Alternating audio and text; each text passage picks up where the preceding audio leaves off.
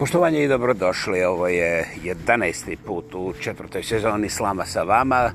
Govori i samoproglašeni lingvistički aktivista, monumentalno autentični, a pa Jakovi drugi, Vladimir Kreca sa legendarnih i prelipih stinovitih planina. Nadam se da ste malo odmorili, evo ja sam uzeo 23 sata i 59 minuta i 114 sekundi. I nisam vas uznamiravao. Dakle, imali ste priliku da uzmete zrak. A sada prestani disati i slušaj pažljivo. Jer ako ne slušate pažljivo... Hm. Ovo nisam smislio, to ćemo u nekom sljedećem podcastu. Znaš, ta prijetnja, pa onda poslije prijetnje treba izreći hm, ono šta će se desiti, ali ostavlja vas u napetosti ili nategnutosti. Dobro, ispričavam se, nisam mislio baš tako, nego eto neka ostane pa ćemo raspraviti nekom sljedećem putu. A sada, prvi put ovoga ljeta u kaputu, još uvijek ljeto, ne znam da li gledate svoj kalendar, ali na mome je još uvijek ono kalendarski. Ali je svježo ovako uveče, evo ja uzeo kožun ovaj od ovaca i tražio sam imali po džepu neki ovaj neki kintitis, to je ono za potrošitis. Nema čeveće. Čak šuplji džepovi. Izgleda da je demokracija i ova sloboda čovječ upeklo, ono, ludilo. Uskuvali se mozgovi na sve strane. Ipak, danas ćemo ispričati dvije kratke pričice. Svakako vi znate, mi ovdje nismo obrazovni. Mi ovdje ne govorimo o istinama. Mi ovdje ne govorimo o ljepotama ni pametima. Mi ovdje ne govorimo... Ma mi ovdje ne govorimo ni o čemu mi volimo da radimo ono što se zove LR Purlart, LR Pulartizam. Ako ste bili u osnovnoj školi od recimo 55. do 65. godine, pa dobro, ne morate svima reći koliko ste stari, ali ako ste bili u osnovnoj školi, onda ste između tih glavnih književnih i kulturnih nekakvih pokreta, čuli i za larpulartizam. A šta je larpulartizam? Jebeš ga. To je francuski? Da, da, sa, sa malim V, ne mora veliko. Fa, uh, e, fa, mislim, francuski, francuski, da. I ovaj, to kaže umjetnost poradi umjetnosti. Drugim riječima, mi ne kažemo da brbljamo, niti brbljamo da bi kazali. Nego mi govorimo radi govora. Dakle, čisti lingvistički autizam. Molim? Aktivizam, a da, da, da, aktivizam, to, to, to, to. O, mislim, ima toga, mislim, možemo mi to strpati u razne te pode, okej, okay, nema problema. Dakle, gospodo moja, prije nego što počnu da se pišu kritike i pisma uvređenosti, imajte na umu da je ovo permanentni personalni eksperiment u kome ja nemam garancije za jedno jedino slovo koje kažem. I ovo nisam rekao zato što se ja eventualno bojim svoga brbljanja u kome kako god okreneš da sam kompjuter morao bi napraviti barem zilijardu grešaka do sada. U ovih do sada u četiri sezone skoro, ne skoro nego preko, doslovce preko tisuću nezavisnih podcasta. Dakle, ja o tome ne želim raspravljati. Ja ne želim raspravljati o prirodim greške i tome slično. Međutim, neki ljudi koji slušaju, gledaju, čitaju samo zato da bi bili uvređeni, da bi mogli reagirati, da bi mogli, uf, znaš, i da prijete i da pumpaju i da rade, oni koriste svaku priliku. Čak kada neko slovo je progutano, drugo nije rečeno, recimo, Francuska, evo odmah, odmah da mi objasa da nije Francuska, nego je Francuska. I onda ne možeš ti nazvati nešto Francusko, sa malim slovom, ako nije na početku rečenice. Lijepo ste ovo dodali, hvala. Ali na nekom drugom mjestu je malo slovo, jeste, jeste, nećemo sad oko toga. I onda non stop tako pa ga vrti u krug, znate. Ja sam dosta veliki dio svog života bacio bez veze na takve pametnjakoviće i ne pada mi na pamet da eventualno kažem dobar dan nekome iste ovaj branše, jer Bože moj, ja ću vrlo brzo na groblje i hoću da ovo malkice što mi je ostalo koristim na moj način. To znači, kada sam ja u pitanju i moj radovi,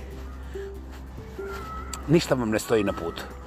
A, a man, baš ništa. Dakle, ako se žalite zbog jednog slova, ako se žalite zbog nepreciznosti, ako želite otkriti da je neka stvar izmišljena i ako želite dalje da se bavite s tim aktivizmom pronalaženja šupljina u švicarskom siru, Ja vam zato nisam potreban.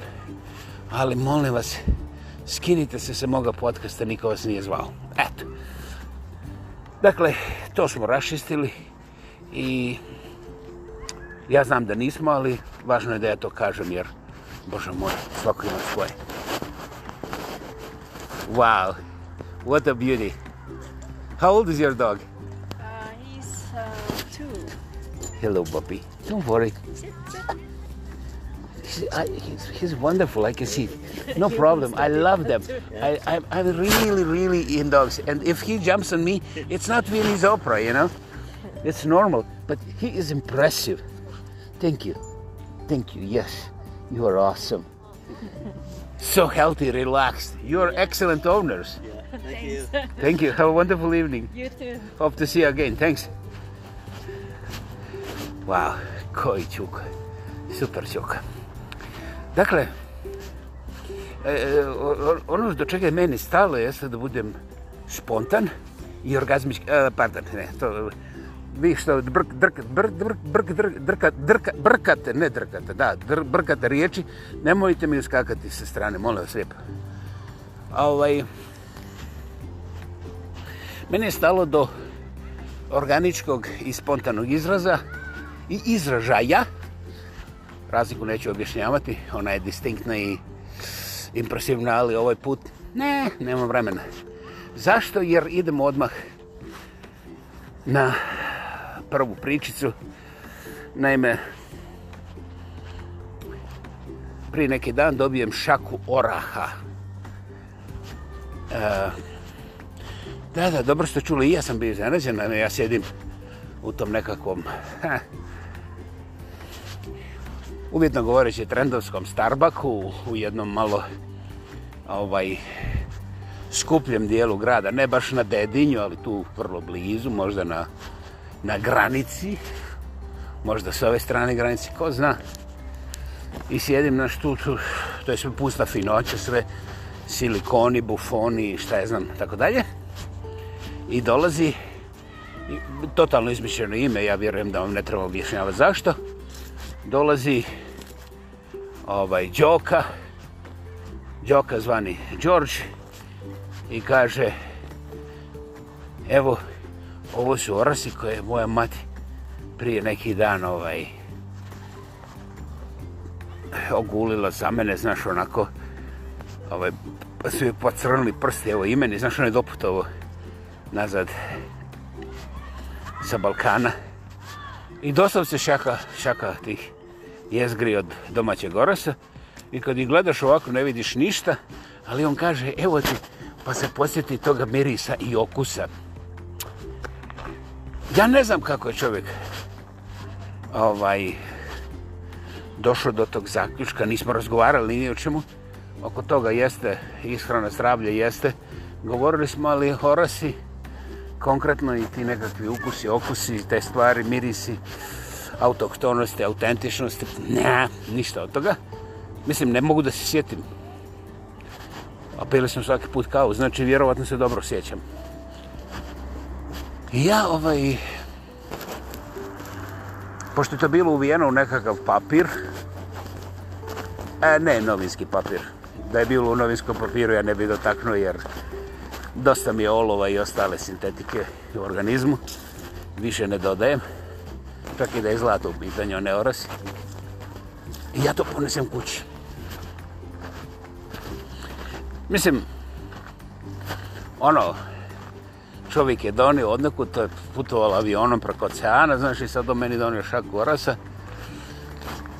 Znaš, nekako, ne znam koja je moja pozicija, ja sam se ljubazno zahvalio da ne budem som somine ili slonovine, ne znam, izaberite.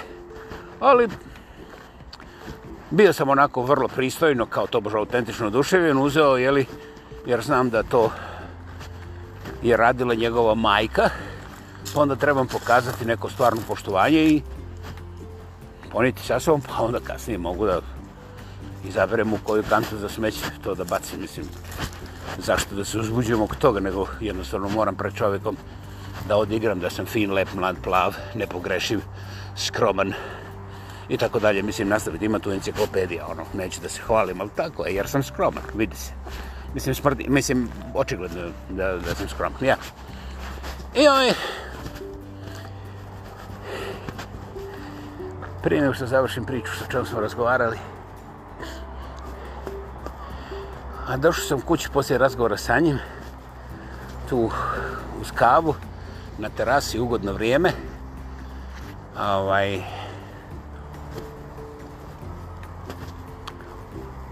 za one koji žive u Kravogradu nije bio Royal nego, eh, Hill nego Aspen Hill. Actually Aspen Landing. I to je vrlo, vrlo mirno, vrlo čisto, vrlo šik, potpuno novo gradsko naselje za, ove, za sirotinju, znaš. Koji jebeš ga, ne mogu bez barem jedan milion da uđu u kuću, treba im malo više. Pa tu ima više milionske kuća, koliko hoćeš. Ja sam čuo da je izgrađeno negdje oko 1500, a ovoga ljeta završavaju još nekakav broj koji ja nisam istraživo. I na večer, tako da smo nas dvojice se porazgovarali o čemu ću vam reći koje riječi, ja donesem to i onda sjednem u svoj dragi voljeni i prelijepi kauč i pušćam onu televiziju da mi drobulja bilo šta onako malo, malo ovoga, malo onoga, ko zna čega. I onda odjednom osjetim potrebu da mi treba neki prigrac. To je obično, znaš, oko ponoća. Uh. I idem u kuhinju, njuškam i, znaš, jer znam da u ta doba stvarno ne volja dirati nikakve čipsove i, i, i pipsove i, i, i slatkiše i to sam dobrim dijelom uspio da izbacim. Nema. Nego imam uglavnom zdrave, žive hrane, znači hrane koje nije prepršena, maltretirana, znaš, procesuirana i tako dalje. I to dosta dobro radim, znaš. E, mislim, za, ja, hm. Kad odjednom na stolu vidim tu neuglednu hrpicu, znaš, ono, bijeli zgužovani papir, otvorim i pošto nema nikoga, ono, divno septembrsko večer, odjednom me pukne miris, oraja, što kaže onaj drugi džok, onaj tamo iz Novog Sada. Znaš, onako tiho, to nije jak miris, to nije intenzivno, ali to je onaj miris friškog orasa ovogodišnjeg koji je tek prije nekoliko dana iz, izvučen iz svoje ljušture i koji se još nije sasvim ono osušio i čovječe miriše kao, kao duše Isusove ne znam drug će opisati. Miriše, haj, i ja ne znam koliko sam vremena probao, možda, možda jednu sekundu, možda jednu vješnost, možda dvije, tri vješnosti, ko zna. Ali ja sam bio toliko lijepo i pozitivno šokiran sa tim mirisom, da sam mislio, jebeš ga, ako sam umro, ovo sigurno ulazak u raj. Mislim, pustiti onaj tamo ulazak u harem i one, znaš, rokere ovo je ulazak u raj, ovo, to, to je to, to je to, to je to, ko to može platiti, razumiješ što kažu ovi naši jebotani, ali tako dalje. Wow! I kad me prošao taj prelijepi pozitivni šok, ja onda fino pipnem i vidim da to nije onako suho kao one, oni orasi koji izgledaju gotovo jednako iz koska koji su, znaš, dobiješ ovako koliko kilo dvije, ja ne znam, za dosta jeftin novac i Kosko ima solidne teorose, ja ne znam odakle. Međutim, ja nikad nisam osjetio njihov miris, možda je to moj problem. Znači, to je nekakva velika trgovinska, neki neki vrlo veliki trgovinski lanac. Nisam osjetio nikada miris. Pokušajte vi, pa recite mi. Ali, šta znam, kad ja odem u Kosko pa kupim bademe i orase, znaš, to sve dolaze na krplaciša embalaži znaš, jedino se razlikuju po tvrdoći. Mislim, ne ljuske, nego one jezgre. Um, miris, razliku, ne, ne, ne znam, nisam osjetio nikakav miris, ne znam zbog čega je tako, ali ovaj, čak ni ukus nije dramatično različit. Međutim, ovi orasi su simfonija. Ono, baš onaj tipični, koji god probao orasi dolje, na Balkanu, onako guleći ga, pa ono, poste, kad postanu prsti crni. E, ja mu ne mogu bolje objasniti nego ono što on može da se sjeti. Dakle, sjetite se ako možete, ako niste to imali, onda to nikad nećete imati u ovom takozvanom razvijenom svijetu, jer danas je to industrija, danas to više ne postoji što je bilo nekada. Zbog čega, kako, kome, koliko, pff, o to meni slova ovom zgodom idemo dalje. Tako da sam ja tu večer tu šaku orasa i tu majku za koju ne znam čak ni kako se zove jer ja sa gospodinom Đokom, Đorđom nisam ovaj nikakav dugogodišnji prijatelj. Mi smo se sreli slučajno u tom istom Starbaku. Razgovarali smo i on kaže ovog ljeta ide malo mjesec dana tamo na Balkan da se opustim i onda eto ovaj i onda kad se vrati javi se ajmo na kavu i onda donese to. znaš, ja sam prvo mislio, ok, ja živim. Međutim, to je jedan od najljepših poklona koje sam dobio u vrlo, vrlo dugo vremena. Ja nisam rekao da je financijski nekakva isplativost i tako dalje. No, nego najljepši, najdraži, najsnažniji, najmirisniji, najzdraviji. Znaš ono, totalno za dušu, totalno, uh, a i za ukusi i za sve.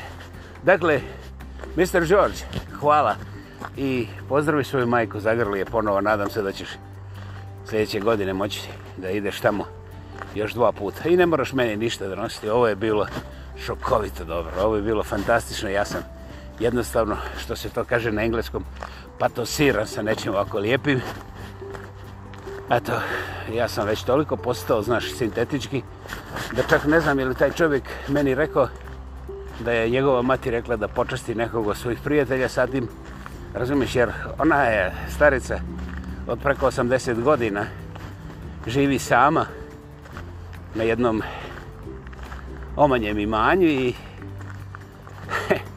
njoj razbiti 10 ora sa zaredom je ozbiljan posao, ja mogu da zamislim. Tako da, eto, ovu sam setnicu rekao samo zbog toga da ako Đorđe Oka čuje ovo da razumije da sam ja doista, doista, doista oduševljeno zahvalan, jer razumijem puno više, razumijem čak i o sebi, jer ja mm, ne znam kad sam postao plastični, jer jednostavno kad čim zineš, čim se pojaviš, odmah te grizu, čisto demokracija, sloboda, ja nikog ne kritiziram, ljudima ne može reći, reći dobar dan da ne primijete da ti je jedan rukav neopeglan.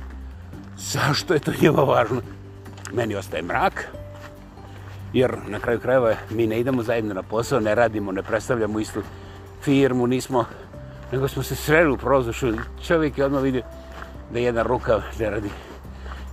Onda nekog drugog dana idem i ovaj, gledam čovac govori svoje ženi, znaš, upire na moje cipele i ja ono, nisam se puno osvrto. Kasnije, kad sam sjeo da popijem kavu, ja pogledam jedna čarapa svjetle boje, druga tamne. Znači, i to su primijetili. Apsolutno je nevjerovatno. I ja ne znam, mislim, kao starac, jer ja jesam starac sada kad sam bliže 70-i, i to su uglavnom naši ljudi, da oni primijete najsjetniju sjetnicu koja njima ne znači ništa, ali je važno da mogu upirati prstom i naš vidi onoga tamo. Gaće su mu ušle do pola. Gdje su ušle, to nećemo sad razmatrati. Zako dalje. Dakle, kao što vidite, drže se, držate se dalje od balkenjika, čast izuzetcima, Bogu hvala, izuzetci uvijek postoje, zato još uvijek nismo 100% potopljeni. Je posebna privilegija, ako možete, da ih zaobićate. Recimo, evo vidite, ja sretnem ovo, ovo su bili Tajlanđani, imaju dva muže žene, imaju dva čuke. I ja nikad ih prije nisam vidio, ali dogovorim u telefon, ovaj sumrak je, na javnom mjestu, ja prilazim ravno njima i oni puste svoje pse da dođu k meni. Vidjeli ste, bez ikakve napetosti, bez ikakvog primjećivanja, bez, bez ikakvih trubljenja u krivo. I to redovito imam sa ljudima koji su, ono, sa svih strana svijeta. Međutim, kada primijeti Balkanca, evo baš neki dan, Dragan Vacuum Cleaner, kod Talijana, To je onaj čovac što me ganjao kao lako je tebi imati guzicu 100 kila kad te rani žena. A moja žena u tom momentu mrtva već 5-6 godina. Razumiješ? ja gledam u čovjeka i nije mi jasno šta hoće. I stvarno i danas mi nije jasno šta hoće. Mislim, šta je, kako je utvrdio sve to i odakle mu ta ideja.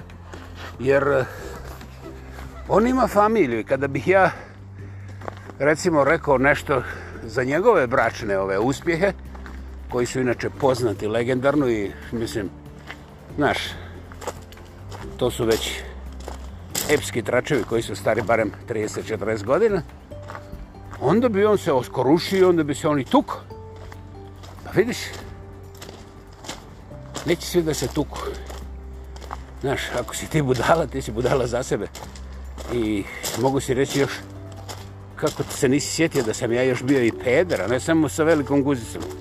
Kad ti se već toliko sviđa guza, kad si već toliko zabu nos u moj privatni život, evo ti, brate, imalo guze, jebeš ga, pa braća smo pederi, zašto ne?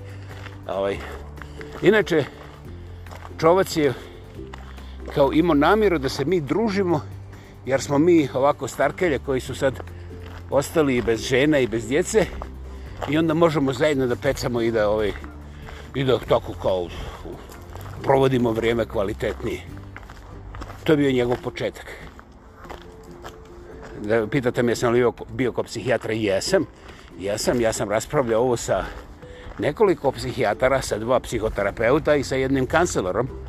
Čisto da razumijem, hej, šta na meni izgleda tako da bi neko sa strane odrasto čovjek, koji nije slučajno, ono, znaš, naišao, nego pozna me neko izvjesno vrijeme, barem desetak, petnaest godina. I ovaj, šta bi mogla biti poruka? Možda tu ima nešto važno što bi ja trebao da naučim ili da ispravim pa da mi život bude bolji. Ja ne bih ovdje htio reći šta su rekli ova petorice profesionalaca za mentalno zdravlje. Doista ne bi. Gospodin Jovanović, mene je sramota da to pomenem, u stvari sramota me, znaš, ovako verbalno zbog toga što što me u stvari nije sramota.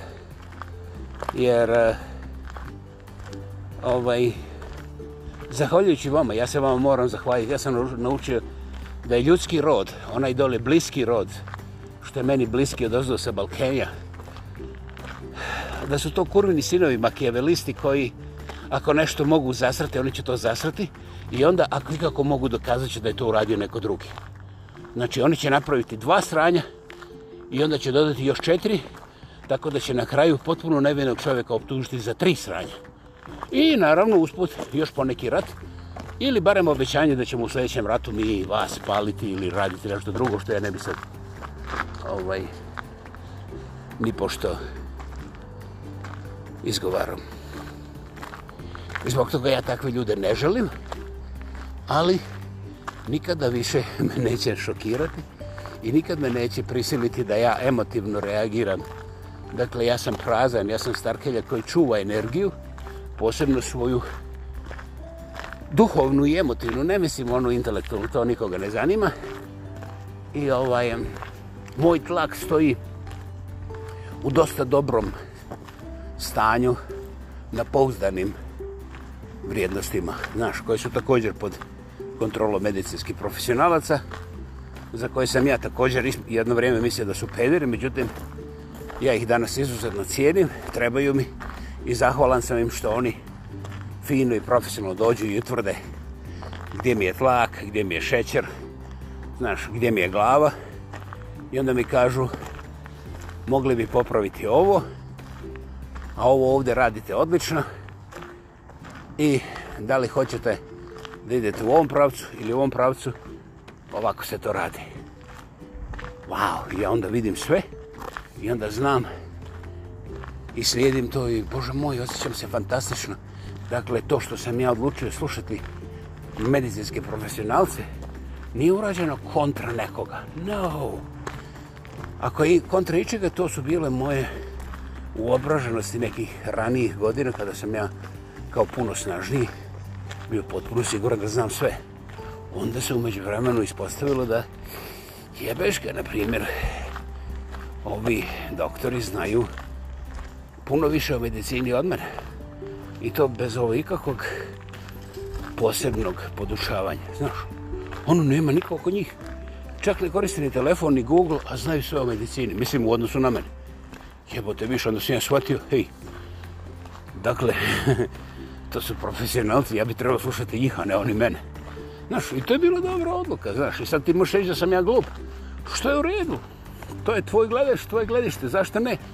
Međutim, onog momenta kada sam ja odlučio pitati medicinske profesionalce za određene stvari koje se tiču moga života, moga boljeg zdravstvenog života, a zdravlje je prije svega i mentalno da se ne zaboravi odjednom se meni otvaraju oči, odjednom, evo vidiš na veći pogled, ja nisam stao dok sam ovo sve govorio i čak nisam zapuhan. A dosta brzo idem. Dosta brzo idem. Dakle, moje zdravlje napreduje, čak i u poznim godinama života. Recimo, ja sam svjestan da postoji milion okolnosti da ljudi od moga zdravlja geknu noćas.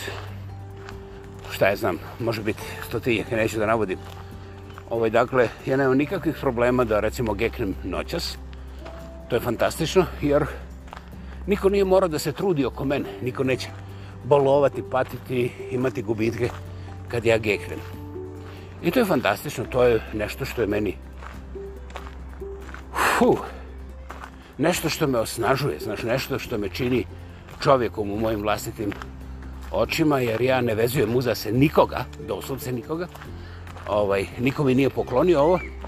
A to govorim zbog mojeg personalnog zadovoljstva i personalnog ponosa koji je realan ovakav kakav govorim. Istovremeno, imajući na umu, da mrtvo hladno, jer ja, eto tako, da bih ubio, ubio vrijeme, ne zovem nekog drugog bjednika koji je ostao sam zbog smrti u familiji ili šta je znam, pa da ga onda vrijeđam, ne, ja to ne radim, to nije moj sport, nikada bio. A ovaj, ja ću rađe biti vrijeđan nego vrijeđati. I Boga mi, svi su rekli da je to naivno i glupo. Jebeš ga sad na kraju života. Ti bjednici koji su mene vrijeđali su ovaj, uglavnom i relevantni, promašeni, izgubljeni i bolesni, u čemu ja ne uživam. Ali ja samo želim reći da ja pratim te koji su bili nasilni, vrijeđali glasno, išli kontra ljudi, Ja vidim koliko su se potrošili na krivom putu i ovaj, jedan dobar dio njih je pokojni. Dakle, moja ta nazovi naivnost, kako to vole balkenjici da mi se nabiju na nos, se ispostavila kao nekakav civilizacijski iskorak u moj vlastiti život. Moglo bi se reći da sam čak i kulturan, nemojte se vrijeđati, ali ja volim tako razmišljati o sebi. Znači, ja nisam preplašen od nekoga. No, ja nisam pobjegao od rata. Ja sam vidio kad rat dolazi i prije nego što me rat zarobio, ja sam otišao da ne prisustujem. Čak ni svojom napređenju generala. Ne zanima me. General ili govno, u mojim očima, to je isto blat. U stvari, blato oprosti, ti si potrebno u ovom svijetu. Ja nikad nisam imao kajanje poradi toga. Ja sam otputao sa koferom, vrlo pristojno. I onda kasnije ti ljudi koji su dolje pljačkali u početku rata i radili razno razne stvari, ili recimo humanitarci koji su ucijenjivali sa humanitarnom pomoću, s kojom su usputi švercali, oni dolaze da mi objasne šta su morali, etike, karakteri, znaš i tako te stvari. Ja ih nisam pitao, ja ih nisam ovaj, trčao za njima da mi kažu ovaj, sad otprilike imate sliku. I ja i dalje tvrdim. Balkan je prelijep. I ima predivne mirise, boje i okuse. Međutim, hvala ovakve zvijeri koje me pozovu, pa onda mučki potegnu ispod pojasa, su mi u stvari strašno puno pomogli oni sve svoje unutrašnje tenzije, nesigurnosti, sumnje i strahove za koje nikad ne znaju šta je sumnja, šta je strah. Pokušaju ih zasrati na mene, jer onda kad imaju pedra, to dokazuje da su oni čisti u pravu. Zato njima treba žrtva. Znači, oni fanatički vjeruju u neke niže i više. I jer da nisu tako i ne bi im trebali ratovi. Dakle, izvolite, ali ja ne učestvujem. I kada ja kažem šta se meni desilo u mom životu, onda nemojte izigravati fince i govoriti, ja to nikad ne bih rekao. Halo, pametan čovjek, to ne bih pomislio komentirati, ali sumnjivo je pitanje šta je pamet na Balkanu. Eto ga, dragi moji, 11. put u svojoj četvrtoj sezoni. Slama sam vama, ja mislim da je dosta pola sata, hvala vam. Srećemo se i čuti vrlo brzo, uskoro želeo vam sve najbolje i uživajte jesen je prelijepa. Bez obzira da li se nalazite u krajnjoj zapadnoj Kanadi ispod mažestik stjenovitih planina ili negdje u preriji ili možda čak negdje u Kulen Vakufu. Šta je znam, Jajce, Mrkonjić grad ili recimo Varaždin. Požega, evo, iz Požege su mi donijeli čokoladu sa rižom i ja tek onda otkrivam da ljudi stanuju preko puta fabrike u kojoj su u kojoj se ta čokolada proizvodi i to je na čokoladi više prva čokolada sa rižom ikada napravljena dole, znači recept. Ne baš ta čokolada, jer to je prva već je pojedena vjerovatno, nego taj recept iz Požege. Eto, hvala ovima iz Požege što su mi lično donijeli čokoladu iz njihovog susjedstva. Ovaj, I to je to. Znači, 11. put u četvrtoj sezoni bila je ovo slaba sa vama. Govorio je samo proglašeni lingvistički aktivista, monumentalno autentični. Ja pa ja, a ko bi drugi? Vladimir Kreća sa legendarnih i pravih istinovitih planina. Hvala! Hvala!